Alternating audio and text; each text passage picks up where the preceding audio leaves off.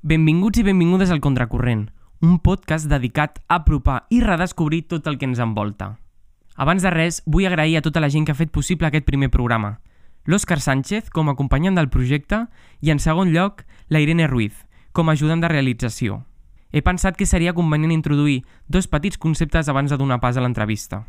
El primer és el material fotosensible. Escoltarem, segurament, durant l'entrevista, el concepte paper fotogràfic o paper fotosensible. Senzillament és un material que l'estar en contacte amb la llum reacciona formant una imatge latent.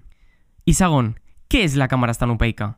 La càmera estanopeica o càmera oscura és un objecte que ha anat transformant-se al llarg de la història. Consten registres per part d'Aristòtil explicant com funciona aquesta tècnica. Senzillament és deixar passar la llum per un petit forat, l'estanop, més petit encara, i d'una forma quasi màgica veurem projectada la imatge exterior de la càmera a la paret contrària de l'estanop. I és per això que, per donar pas al nostre convidat, vull recuperar una frase del 1920 de Paul Klee, un pintor alemany. L'art no reprodueix el que veus, sinó el que fem visible. El nostre convidat d'avui és especialista i pioner en aquesta tècnica a Catalunya i ens explicarà com fer les nostres pròpies latacams. Avui estrenem el contracorrent coneixent de prop la solarigrafia, amb Jordi Bufill. El Contracorrent, un podcast de Mario Cervera. Molt bé, doncs comencem aquest primer programa amb, amb en Jordi Bufill. Ja hem introduït aquesta frase de Paul Klee que, que hem pensat que era la més adequada per començar, per començar el programa i donem la benvinguda al Jordi. Jordi, benvingut, gràcies per venir. Merci a vosaltres per convidar-me. Gràcies a tu. Bueno, primer hauríem de començar, com, com es comença amb tot, definint què és la solarigrafia i si m'ho poguessis fer amb una frase seria estupendo. Bé, amb una frase no serà fàcil, perquè, bueno, com poso a les redes socials o quan he escrit la definició, ocupa com 15 línies. De fet, què és una solarigrafia? Més que una frase, és això. Ostres, I ara ho explicarem una mica. ara ho expliqueu. Bueno, eh, amb una frase podria ser astrofotografia del sol de llarga exposició amb una llauna de cervesa i un tros de paper fotosensible que pot ser vell i caducat. Ostres, el titular ja de per si és com...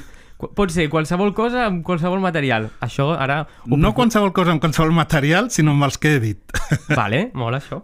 Uh, bé, m'agradaria també saber una mica com, com neix tot això, com neix aquesta passió per la fotografia.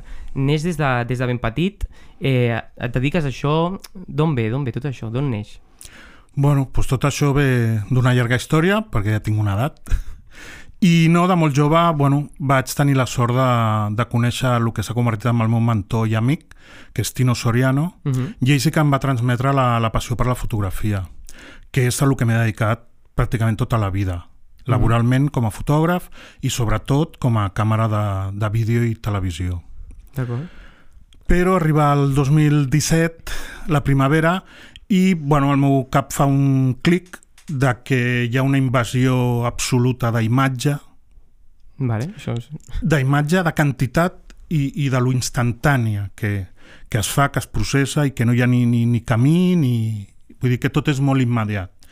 I doncs, bueno, doncs intentant... Em bloquejo una mica amb el tema de fotografia perquè veig que està tot molt saturat i intento mirar a veure si puc sortir-me'n i anar a buscar alguna cosa que estigui a l'altra banda de disparador com mi iPhone i començo, començo a investigar. Vale. I en això, pues, ja et dic, la primavera del 2017 m'apareix amb el llibre de processos fotogràfics eh, la paraula solarigrafia. I a partir d'allà m'estic uns sis mesos investigant aquest tema fins que faig la meva primera i a partir d'allà s'ha convertit en, en la meva passió. Ostres, doncs sí que és una història, una història completa i, i que té tot un procés. Anat a... Sí, el del procés és molt important i el del camí, ja ho parlarem per lo del tema també de, del tema slow, que sobretot Mhm. que té aquest tipus de, de fotografia. És veritat que això que dius és, és potser... Abans hem introduït una mica com el- els conceptes claus, però eh, és, és un procés que, que és lent, no? De fet, el lema de, del programa és ciència i paciència, no? És un procés que no és aquesta immediatesa que, com, com molt bé deies, que, que tenim actualment de eh, i, i saturació per, per, per de tot, i especialment a nivell visual.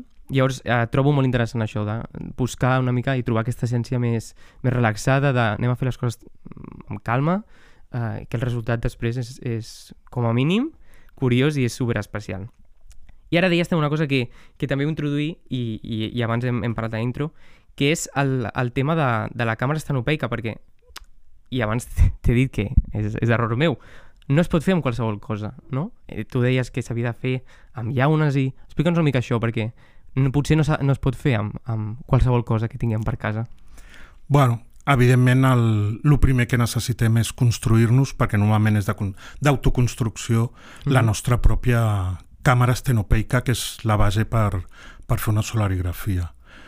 La càmera estenopeica pot ser qualsevol recipient. De fet, us puc ensenyar una aquí. Ens ha portat aquí... Aquest és un exemple Ostres, de és lo, preciós, eh? del que pot ser una càmera estenopeica, que es tracta d'un recipient pintat de negre mate per dintre i que li fem un, un petitíssim forat que és l'estenop.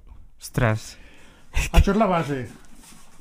Evidentment, ja. pot, ser més, pot ser més lleugera, com les, que jo, com les que jo construeixo i utilitzo normalment. Aquesta és la base. És, és, de fet, estem parlant de fotografia mm. -hmm. estenopeica i el principal és això, o construir-te o fer-te amb una càmera com aquesta, que ja et dic que és un recipient que ha de ser estanc sobretot a, a la llum, uh -huh. i, i pintat de negre mate per dintre. El que passa és que, bueno, el que has comentat de l'Atacam és el següent pas, vale. que és sí. com, com jo anomeno a, a les meves càmeres, que normalment solen ser així, d'aquest format. Uh -huh. Normalment és cervesa de 50 centílitres perquè m'agrada la cervesa. No, no és per això. És perquè el que sí, clar, quan més gran és el, la càmera o el recipient, Uh -huh. estem treballant amb un negatiu molt més gran. Uh -huh. Perquè dintre amb el que ho carreguem és en paper fotosensible, de blanc i negre, que inclús pot ser, com he dit abans, vell i caducat, perquè funciona igualment.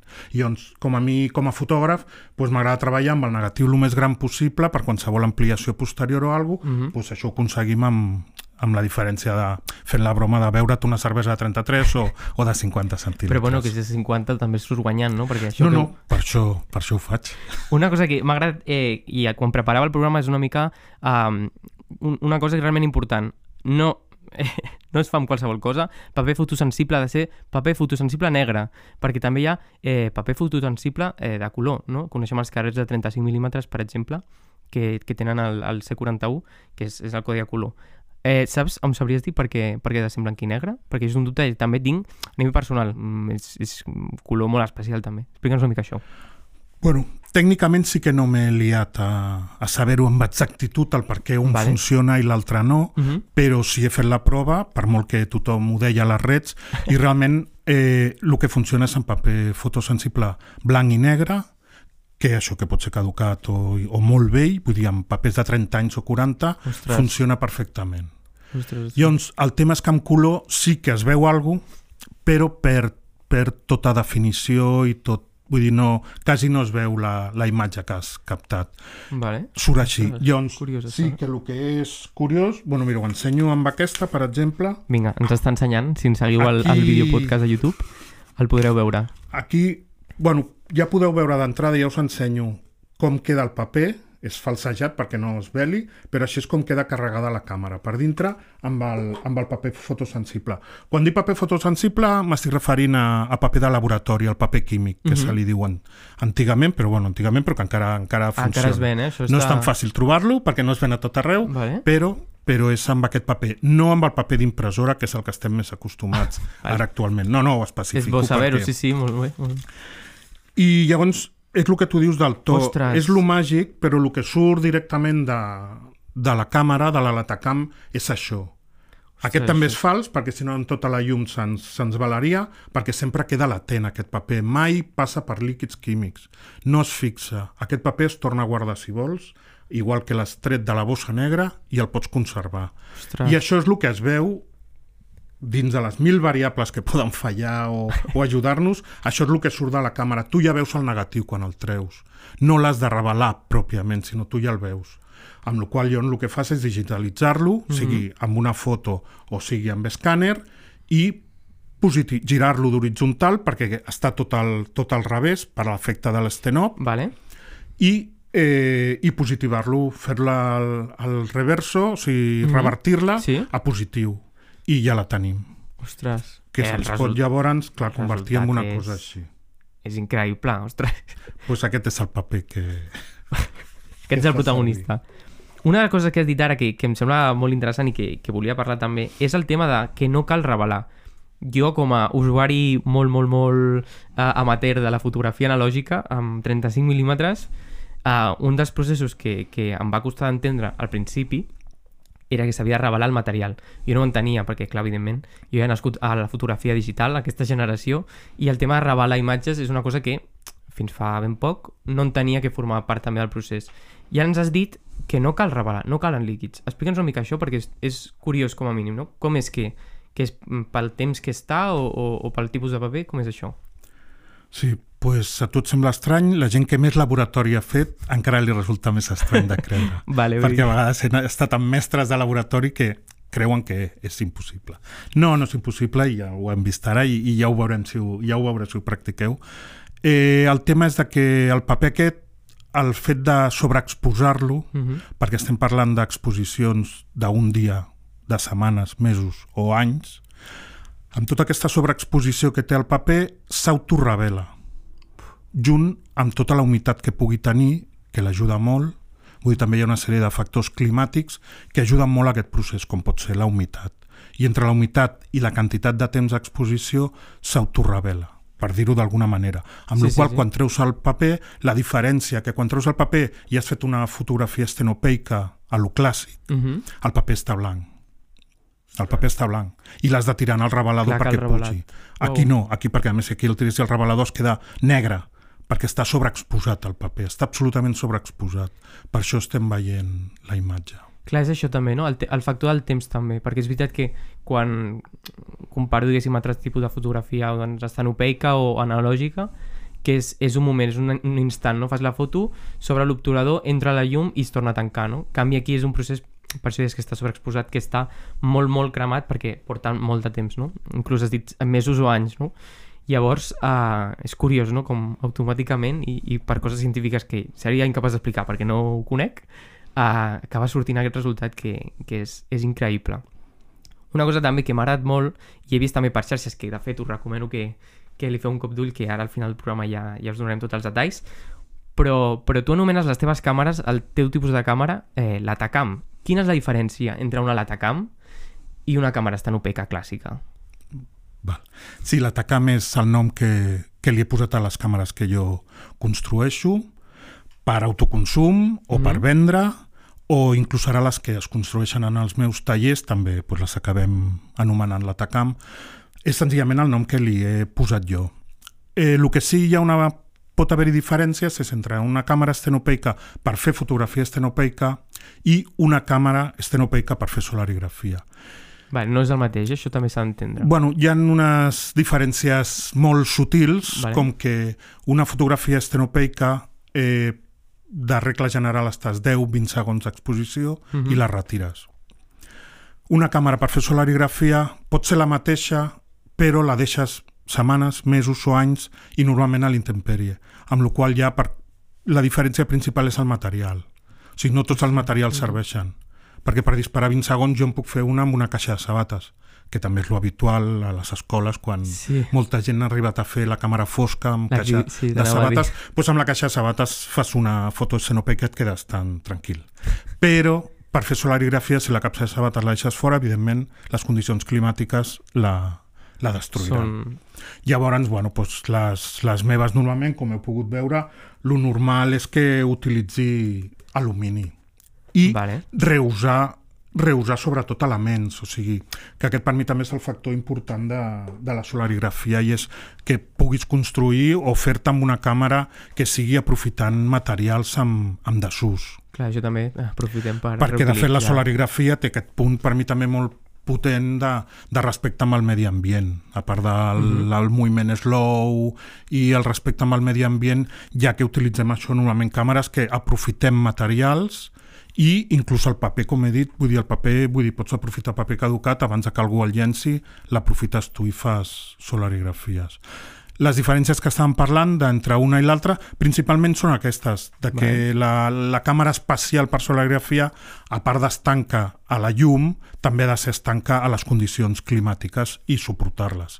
De fet, eh, aquesta que us he ensenyat al principi, una de les condicions que va suportar i no es va ni bellugar de més va ser el, la tempesta Glòria. Ostres! O sigui, aquesta línia fosca d'aquí baix Sí. que podem veure són els dies que va durar la tempesta Glòria.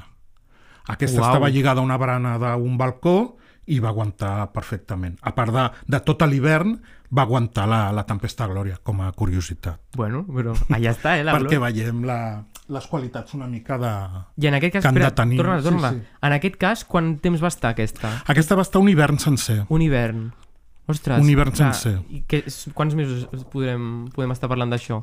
Clar, tenim l'hivern sencer que són tres mesos, amb la qual perquè us feu una idea, eh, aquest punt d'aquí seria quan va passar el sol el 21 de desembre, al migdia, Vale. i aquest punt d'aquí seria quan va passar el sol el 21 de març següent. I aquí Ostres. tenim tots els dies d'entremig, amb aquesta peculiaritat de la tempesta Glòria que queda perfectament marcada sobretot a l'skyline de, de Barcelona. És xulíssim. És que, mira, quan estava preparant el programa dic, a què faig una? T'ho dic molt en sèrio perquè dic, és que és tan curiós. No Ho és, has de- no és és que qualsevol... Ho has de més- provar i és ben fàcil. Jo sempre dic que la fotografia més senzilla, més barata i potser més sorprenent. és el, re- el resultat com a mínim és realment, és realment sorprenent perquè després no saps què, què et trobaràs, no? És una mica aquesta màgia de... I després el tema de, de que estan a, a llocs exposats. També dèiem per, per si algú que ens està escoltant vol fer aquest tipus de fotografia eh, ha de ser conscient també del, del material del que està fet, evidentment, com des de l'alumini, que estigui un lloc potser cobert, no? O què? Perquè això no es pot posar a qualsevol lloc o com és? A veure, a qualsevol lloc sí, i de fet també tinc que dir que, clar, aquí ara estem parlant de, de, de coses genèriques, Mhm. però jo, per exemple, clar, jo sé que m'he permès el luxe de fer-ne una de cartró, Vale? però disparada des de dins del meu menjador. Vale, Ja. ja. O sigui que jo he fet solarigrafia indoor, per dir-ho d'alguna Indoor, eh? manera. Ostres, clar. subgènere, eh? Sí, sempre que tinguis una finestra o, o alguna part coberta que dona a l'exterior, pots fer igualment una solarigrafia. I jo, de fet, n'he fet aprofitant el... quan ens van tancar a casa durant tant de temps, Sí, eh? pues n'he fet des de dins de casa, o sigui, de, de la meva sala d'estar, apuntant a la finestra i, i veient passar cada dia també el sol per allà davant. Supercuriós, és que és una cosa que realment, pillis per on la pillis, és, és sorprenent realment. Uh, dèiem també que, que, que és, és un gènere que ha sortit eh, relativament farà com a molt 20 anyets o així, des de que es va com uh, bueno, bé posar de moda o, o no sé com dir-ho exactament, inventar, descobrir. Uh, està tornant tot, això ho estem veient. Uh, està tornant els vinils, les, les càmeres analògiques de 35 mil·límetres i moltes coses d'abans estan tornant ara.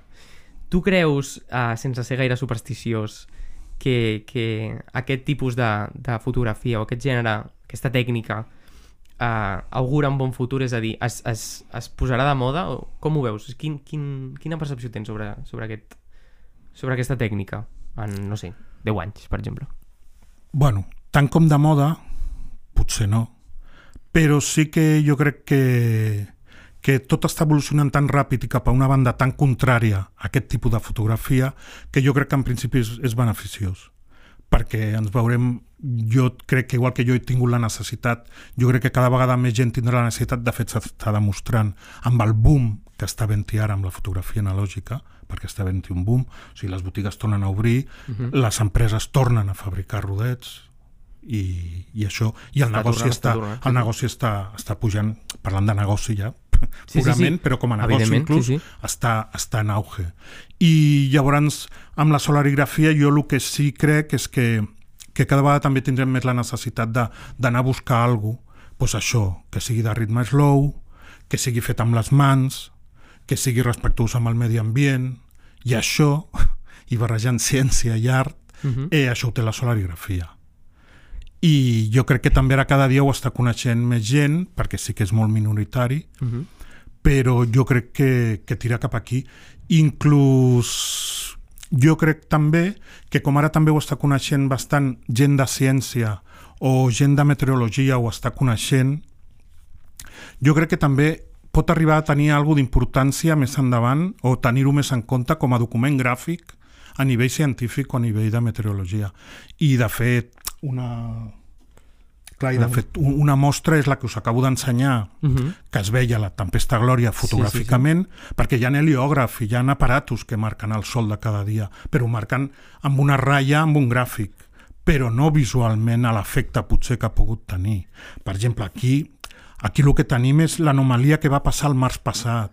O sigui, el març del 2022 va tenir només 81 hores de sol Barcelona.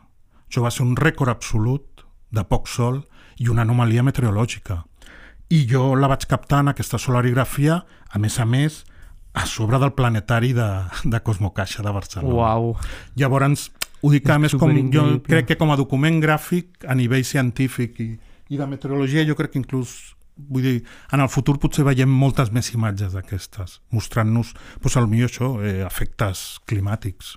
Clar, perquè és un efecte que és, és literal, vull dir, no, no hi ha cap mena de- d'edició, no es pot retocar de cap manera, és, és el resultat que és i mostra el que hi ha, no? És el que deies, amb lo de la tempesta glòria o en aquest cas, amb aquesta, amb aquesta um, no Anomalia. Sé, anomalia que deies. Li hem anomenat anomalia. anomalia que, que va haver el març passat. Vull dir que és supercuriós perquè, i per què no també, a nivell científic, utilitzar-ho com a imatge d'arxiu i per poder-ho poder investigar en, en uns anys. Supercuriós. Uh, res, m'agradaria eh, també que, que... Perquè, bueno, com a mínim, jo, que estic aquí ara parlant amb tu, m'estan entrant unes ganes ara de fer-me una i posar-la aquí la porta quan sortim. Llavors, per tota aquella gent que, que ens està escoltant i té ganes de, de, de fer i, i de començar amb, aquest, amb aquesta tècnica, quins tips, quines ajudes, quins consells donaries? Um, bé, sembla que, que, aviam, no és una tècnica fàcil, evidentment, però és una cosa que està a l'abast de tothom, no? Amb un material que potser menys el, el paper fotosensible, tot està més o menys a l'abast de, de molta gent. Llavors, què, què, pot, què podem necessitar per fer una càmera estanopeica? Què podem necessitar per fer una Latacam? Bueno, ja ho, hem, ja ho hem comentat pràcticament, o sigui, un amic, sobretot paciència, sobretot paciència per aquest tipus de fotografia, o sigui, has de tenir moltes ganes de prendre-t'ho amb calma i, sobretot, disfrutar del, del procés i del camí, que en el cas de la solografia és molt llarg, però és molt gratificant. Home, La majoria, la majoria de vegades. Hi ha vegades que, que hi ha... Hi ha mil variables. És, Ja. és, hi ha mil variables. Vull dir, el que també és bo d'això és de que, de que un iPhone no et sorprèn i Ja. això sí que et sorprèn. Pa bien o pa mal, Sí. però quan obres la llauna et sorprèn. Perquè per molt que l'hagis pensat i l'hagis calculat, surt el que surt. Sigui per les temperatures que han hagut, per la humitat que ha pogut haver-hi, etc etc.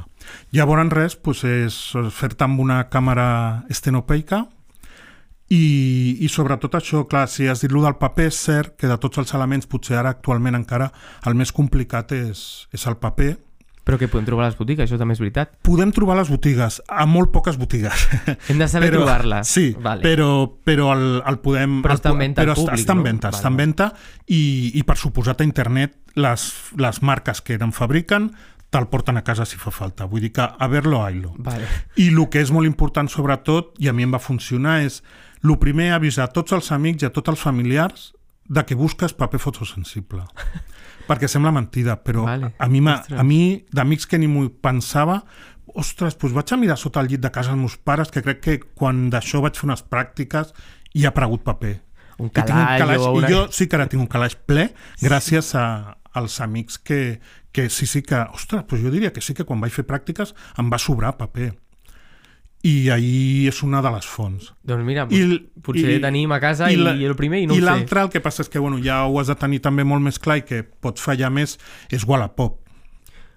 Clar, perquè Clar. jo he arribat a un punt que he buscat uns papers concrets, que igual fa 30 anys que no es fabriquen i que eren del Canadà, Clar, molt específic. i no? l'he trobat a Wallapop. Clar. I genial, i genial. Mà, el que passa és que, bueno, és també llavors ja la confiança de que el paper pot estar vell i caducat, el que no pot estar és balat. Clar, el que Clar, no pot estar Això no és- ho sabem, si està avalat. fins que no el traiem a la llum o veiem que és negre en vez de blanc, Ja. no ho sabem. Però, clar, en principi, No si ha estat guardat... Sí, sí, sí, en Confiem, principi el paper que ha estat guardat amb un sobre negre, amb el seu sobre negre i la seva capsa o l'envoltori que tingués, ja pot tenir 40 anys que funciona. Que guai. I això i paciència, llavors es tracta de buscar un lloc. Jo sempre dic que la primera, sobretot, sigui en un lloc controlat, per un mateix, Vale. perquè ni li desaparegui, Ja. ni res. Jo ja n'he perdut suficients, però bueno, també n'he posat moltes. Ja, bueno, Vull dir que... s'ha d'anar plantant, s'ha d'anar plantant. S'ha d'anar sembrant, sí. De fet, li diem a vegades anar a, sembrar. sembrar. Que bo. Um, una pregunta. Quantes càmeres tens ara en marxa capturant, capturant el, el, el sol ara mateix? A Barcelona o on, on les tinguis? Potser ara... Potser puc tenir 10 o així, tampoc 10? tantes, eh? Tampoc Bueno, tanta, tantes. ostres.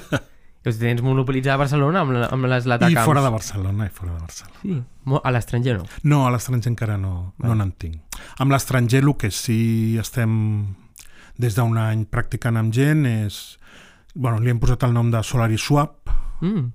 i és una de les tècniques que es fa molt amb analògic ara experimentalment, que és lo típic de tirar un carret i aquest carret li passes a una altra persona i aquesta persona fa una doble exposició sobre el carret. Uau. I doncs amb solarigrafia també ho estem fent. De fet, al meu Instagram hi ha ara diversos exemples de, De dels últims. Doble exposició, però no sols doble exposició, sinó el fet de, de tu tirar una solarigrafia i depèn, si és Argentina, doncs, evidentment ho envies millor per sobre, però si és a prop, doncs li, li dones la càmera i aquesta persona la torna a col·locar i torna a disparar. Com el paper sempre està latent, pots tirar tantes vegades com vulguis. Uau. I amb això, doncs, per exemple, amb Argentina, doncs, ja he fet també varios, amb Argentina en Mèxic, diversos intercanvis de doncs, tirar solarigrafia, ensobrar-la cap allà, la posen en un altre l'atacam d'ella, d'ells, i disparar una altra solarigrafia a sobre. Que curiós, és que hi ha tota una comunitat, eh? i no ho sabem. Hi ha, hi ha molta. Hi ha és una pena, tant de bo Bueno, això molta, vagi, vagi força. creixent, eh? perquè a més és, és, és tot, és com la filosofia ja de- d'aquesta tècnica, no és només fer-la i ja està, no? sinó el medi ambient, eh, tot el tema de reutilitzar materials, de l'eslow aquest, no? aquesta paciència que s'ha de tenir, ciència i paciència, com, com hem dit, i, i clar, són, és tota una filosofia, crec, no? És tot un, tot un, ho engloba tot, no és només fer la fotografia en si, no? Um, una cosa que és que vaig veure, no sé exactament a on, bueno, una notícia, que deien que van confondre una, una càmera estanopeica, no sé si era un edifici o no sé què, amb una bomba o un artefacte explosiu. Eh, bé, esperem que no us passi a ningú, eh, entenc que no t'ha passat mai, però, però què podem fer per evitar que ens, ens treguin aquestes càmeres? Perquè al final estan en espais públics, poden estar espais naturals també. Um, llavors, clar, hem de saber, no sé si s'ha de, de marcar d'alguna manera, si hi ha un consens entre ciutadans i artistes, no sé com funciona això. És cert que hi ha hagut algun cas i a mi això no m'ha passat, m'han passat milions de coses, aquesta concretament no per sort, Per sort. per sort. Eh, jo una de la, bueno, jo utili, utilitzo dos, dos, dos aspectes quan, quan col·loco una càmera fora d'un territori controlat, sigui un bosc o sigui a ciutat, és, per una banda, camuflar-la i mimetitzar-la el més possible amb l'entorn. Mm -hmm. De fet, a, al meu Instagram es pot arribar... Normalment, quan poso una soligrafia, si mires més enrere o més endavant, hi ha la foto de, del making of. I llavors pots veure doncs, com l'he mimetitzat o com l'he camuflat.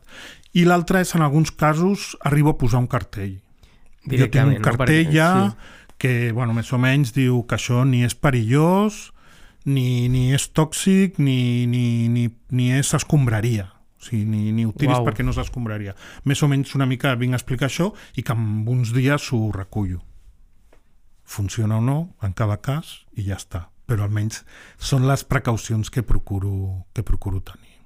I també que no em vegin col·locant... No, Clar, que no se'n vegi molt col·locant càmeres. ja. És que el de la, la via pública és que és una mica delicat. Ja, és plegat, delicat, sí. Eh? Vale, doncs anem acabant, Jordi. Um, eh, preparant el programa mm, m'ha sortit un dubte que, que potser me'l pots resoldre tu, que és que eh, coneixem la solarigrafia, però coneixerem aviat la ionografia? Això es pot fer? Això es pot fer. Eh, relativament, o sigui, jo, per exemple, jo n'havia fet. El que passa és que són altres tècniques. O sigui, Mhm. jo abans de conèixer la solarigrafia, disparant amb analògic, concretament diapositiva, Eh, jo, per exemple, jo feia nits senceres de- d'exposició. De, Uau, Llavors, doncs, bueno, es feia lo típic de que veus tot el rastre dels sastres, exacte, dels sastres, que guai. però igualment la lluna la tens allà i llavors, de fet, clar, se't converteix en una línia com, com la solarigrafia amb la lluna, o sigui que, de fet, és com que jo ja potser ja apuntava una mica, potser sense saber-ho, molts anys enrere, ja apuntava una mica per aquí. També sé de coses que s'han arribat a fer amb paper de Polaroid, però Au. jo ni ho he estudiat ni ho he practicat. Però Vale. sé que hi han cosetes i que sí que hi han coses que es podrien anomenar o, o que poden donar l'efecte de ser una, una lunografia. Sí, seria... Home, si s'ha inventat, doncs bueno, ja està inventat, però si no, eh, ho apuntem. Coses semblants es fan, sí, sí, amb aquest nom o no, perquè són altres tècniques, però per fer-ho amb aquest sistema hi ha un problema de lluminositat. A l'este no, vull dir, el que fem servir com a objectiu, que és un simple forat, Uh -huh. De, normalment de 0,46 mil·límetres. 0,46, O sigui, és que és molt poc. El forat que hi ha aquí és de S'apreciarà, 0,46 mil·límetres. Buah, és que és superpetit. Llavors, que pot ser més o menys, eh? Vull dir, però aquests concretament, els de la Latacam, normalment són de 0,46 els faig. I això és amb l'agulla més prima que existeix de, per cosir. pues ja sabeu que teniu tota la informació per fer una, una lata camp. Eh, si no ho feu és perquè, perquè no voleu, perquè és que a mi m'està atrapant, de veritat. Eh, res, eh, consells o, o alguna cosa més que ja no s'hagi dit però, però que es pugui destacar. Tenim agulles, tenim llaunes. El paper fotosensible segur que el té el nostre cosí, com has dit tu, sota el llit dels seus pares. Per tant, eh, fem recerca i, i provem-ho perquè realment si surt bé, que, que en principi sempre surt sempre surt eh, bé, eh, el resultat és increïble i després que és això, que no cal revelar-ho llavors eh, ja sabeu, si, si us ve de gust eh, provar-ho, doncs està, està a l'abast de tothom Acabem amb, amb contactes. Com pot la gent posar-se en contacte amb tu? Com poden arribar via, no sé, a e-mail, in- Instagram has dit eh, que, que Sí. tenies? Estic totalment obert a, a tot el públic amb el meu Instagram. És Experiències Fotosensibles. Bueno, es troba millor amb el mateix però en anglès, però bueno, Experiències Fotosensibles. Que guai. Doncs ja sabeu, us deixarem també per aquí a, a, a, a, la gent que ens estigui veient a- al canal de YouTube, us deixarem també aquí als, als, als usuaris i les coses perquè podeu contactar amb ell i oferir-li tot tipus de coses que és un artista, ja ho heu vist, i a més us fa unes llaunes que són inclús eh, creatives i per fora són superatractives, com aquesta que ens has portat aquí. Per tant, eh, amb això ja estem. Jordi, moltes gràcies per, per voler formar part del projecte. Eh, benvingut al, al Contracorrent i, i encantat de parlar amb tu aquesta estona i que ens expliquis aquesta passió que evidentment hem vist que, que tant que t'agrada. Gràcies. Gràcies a vosaltres per deixar-me seguir compartint aquesta passió.